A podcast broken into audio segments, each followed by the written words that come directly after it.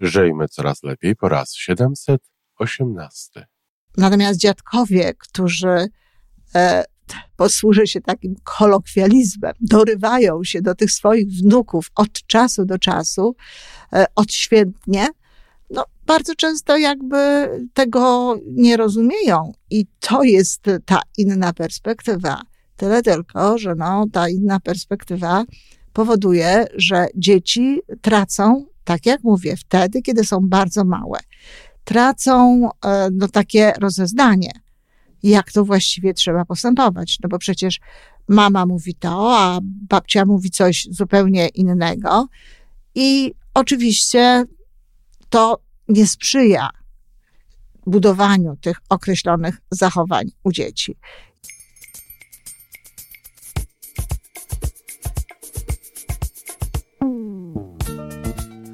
Witamy w kolejnym odcinku podcastu Żyjmy Coraz Lepiej, tworzonego przez Iwonę Majewską Opiełkę i Tomka Kniata. Podcastu z dobrymi intencjami i pozytywną energią, ale także z rzetelną wiedzą i olbrzymim doświadczeniem we wspieraniu rozwoju osobistego. Chodzi nam o to, aby ludziom żyło się coraz lepiej, aby byli coraz bardziej spełnieni, radośni i szczęśliwi. A że sposobów na spełnione życie jest tyle, ile nas, więc każdy musi znaleźć ten swój. A teraz już zapraszam do wysłuchania kolejnego odcinka. Dzień dobry, kochani rodzice. Ostatnio moja bardzo bliska znajoma, przyjaciółka, w zasadzie mm, powiedziała, że dobrze by było, gdybym rozszerzyła te audycje na dziadków, żebym rozszerzyła te audycje nie, nie tylko z takim przeznaczeniem dla rodziców, ale z przeznaczeniem również dla właśnie tej drugiej generacji, ponieważ, jak napisała, dziadkowie mają inną perspektywę. Tak, oczywiście, dziadkowie mają inną perspektywę. To jest oczywiście program y, sobotni poświęcony dzieciom, y, ich dobru i ich szczęściu, a ja to oczywiście Iwona Majewska, opiełka, która dzieli się swoimi przemyśleniami, doświadczeniem, a także wiedzą w zakresie wspierania naszych dzieci w, w, rozwoju osobistym, w rozwoju w ogóle, ale tak, żeby były szczęśliwe już teraz, a nie dopiero w przyszłości. No cóż, a propos tej propozycji, e, ten program jest dla wszystkich. Pewne rzeczy, które o których wspominam, o których mówię, dotyczą nie tylko rodziców, ale dotyczą również dziadków. Mm, kiedy podpowiadam o budowaniu w dzieciach pewnych zachowań, to naturalnie istotne jest, żeby robili to rodzice i żeby robili to dziadkowie. Szczególnie ważne jest to wtedy, kiedy dzieci są bardzo małe jeszcze i kiedy nie potrafią oddzielić, że to jest dom rodziców, to jest dom dziadków, tutaj się zachowujemy inaczej, a tu się zachowujemy inaczej. Za chwilę powiem coś więcej na ten temat. Y, również ważne to jest wtedy, kiedy babcia czy dziadek, bo w tej chwili to różnie bywa, opiekuje się swoim wnuczęciem.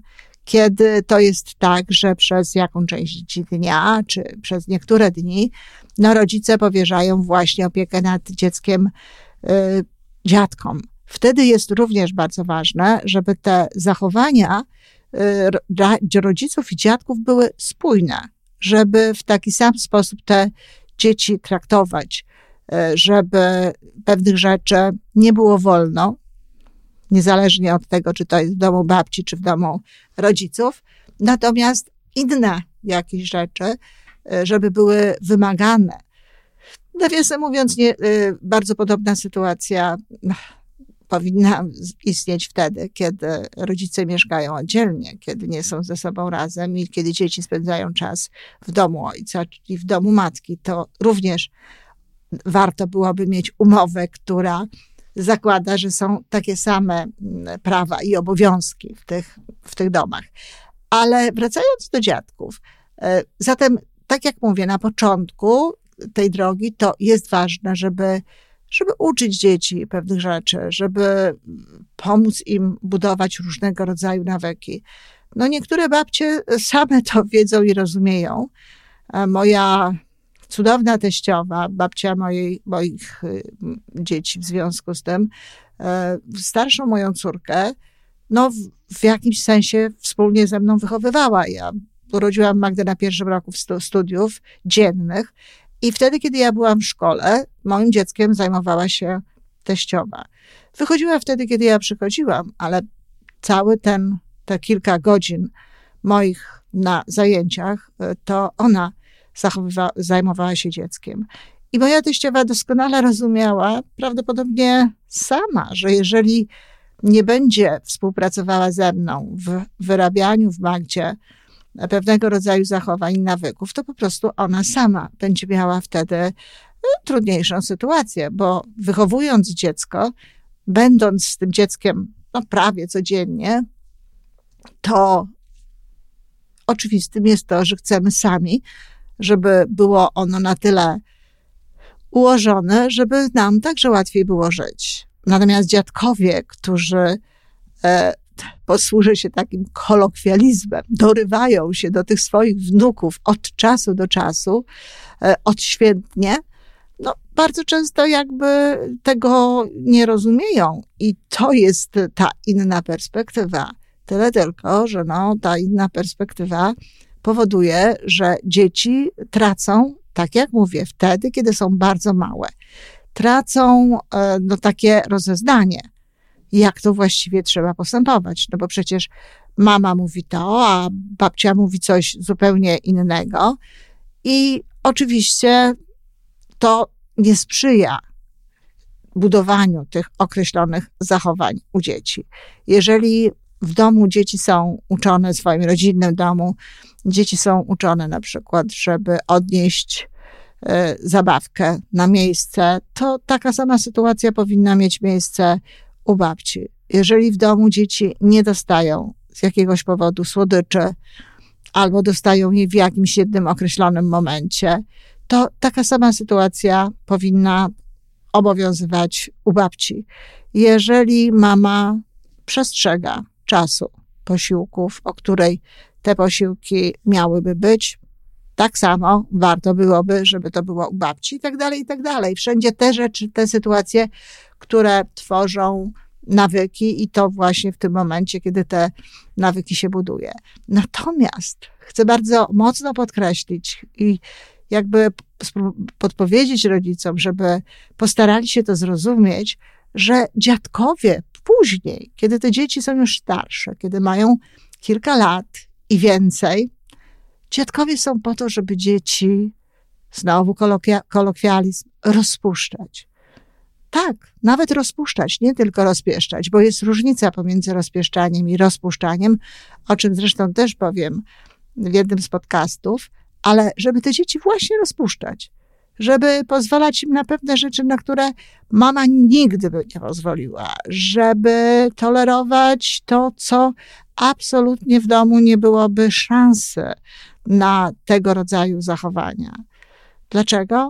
Dlatego, że dziadkowie są taką instytucją, którą zapamiętuje się jako miejsce, jako osoby, które absolutnie bezwarunkowo no, chciały nam sprawiać przyjemność, które bezwarunkowo kochały.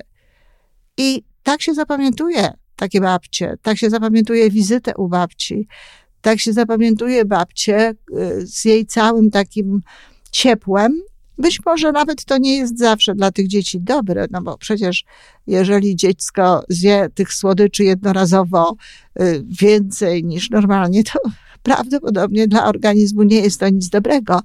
Ale jakie to jest dobre dla relacji z babcią, dla serca, jakie to jest dobre dla takiego poczucia dziecka, że jest ktoś na tym świecie, kto zawsze mnie ochroni, obroni, gdzie zawsze ja mam rację, gdzie zawsze to jest, gdzie zawsze staje ta osoba po mojej stronie.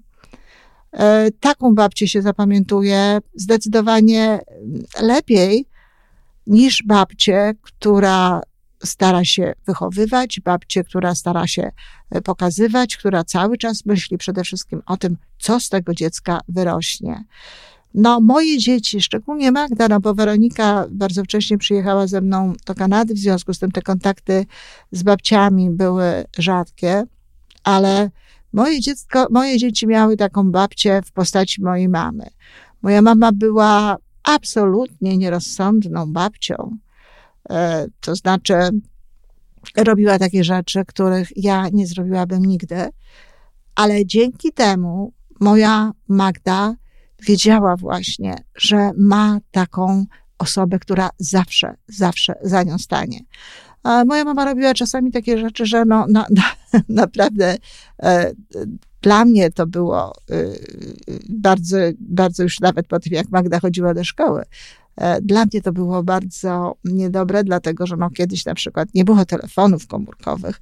E, nawet ja nie miałam telefonu stacjonarnego w domu. W związku z tym moja mama Magda kiedyś poszła po szkole, chodziła wtedy do czwartej klasy poszła po szkole do babci i ja nie wiedziałam, gdzie ona jest. W związku z tym, a ona poszła do babci właśnie mm, po pieniądze, bo pieniądze, które ja jej dałam na teatr no, w, w klasowy, przeznaczyła na jakieś inne swoje wydatki, nie miała tych pieniędzy poszła do babci, bo wiedziała, że babcia ją uratuje. No ale babcia dopiero ją przywiozła do domu w momencie, kiedy skończyła się, y, kiedy skończyła pracę, a ja przez dwie godziny no, odchodziłam od zmysłów, co się dzieje z moim dzieckiem. Zatem, no, te, tego rodzaju zachowania oczywiście nie są, zwłaszcza z punktu widzenia dorosłych, y, dobre, ale ile ta babcia dostawała punktów właśnie u mojej Magdy za takie zachowania, za to, że ją że ją ratowała, za to, że jej dawała pewne rzeczy. Zresztą babcie są też od tego, żeby kupować różne niepraktyczne prezenty, różne niepraktyczne rzeczy, takich, takie, których mama nie kupiłaby. E, moja Magda, kiedy jechała do babci, już w wieku kilku lat, miała zupełnie inny czas, różne rzeczy było jej tam wolno robić. Ja w ogóle nie ingerowałam, w ogóle się w to nie wtrącałam babcia robiła, co chciała. Natomiast kiedy wracaliśmy do domu, moja mama mieszkała w podwarszawskiej miejscowości, z której zresztą też ja pochodzę, y, a kiedy wracaliśmy do Warszawy, do naszego mieszkania, y, kilka razy powiedziałam Magdzie, Magda, teraz już jedziemy do, do domu i już nie jesteś u babci i u nas jest trochę inaczej. I ona to rozumiała. I rozumiała to zawsze. I nigdy nie było żadnych tekstu w rodzaju, a babcia to mi pozwala. Nie, bo po prostu ona wiedziała, że to jest babcia i u babci jest tak, i babcia była kochana, cudowna i do dzisiaj ma taką, takie miejsce, bardzo ciepłe w sercu mojej Magdy. E, natomiast w domu jest nieco inaczej. Nie pamiętam, czy jej tłumaczyłam, dlaczego tak jest. Nie wydaje mi się.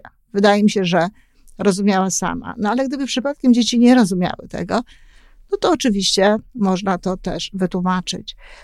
Ale myślę, że to jest bardzo ważne, żeby w życiu dzieci byli tacy ciepli, pozwalający na wszystko, co jest bezpieczne, oczywiście dziadkowie. Dlaczego nie?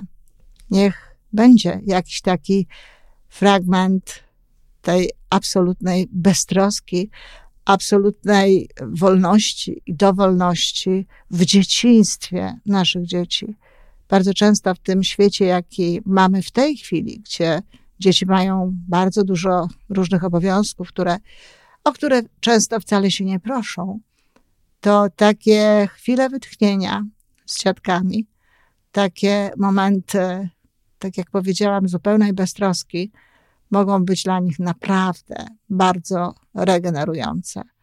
No i bezcenne są potem te wspomnienia. Dziękuję, kochani.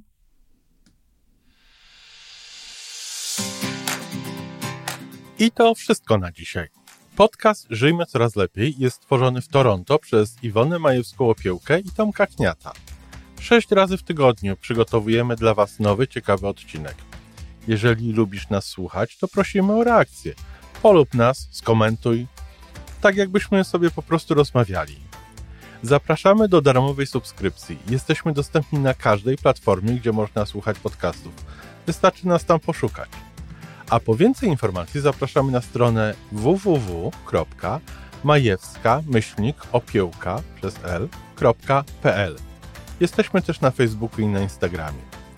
Jeżeli uważasz, że nasze podcasty pomagają Ci w Twojej drodze do jeszcze lepszego życia, to proszę, przedstaw nas swoim przyjaciołom. Do usłyszenia.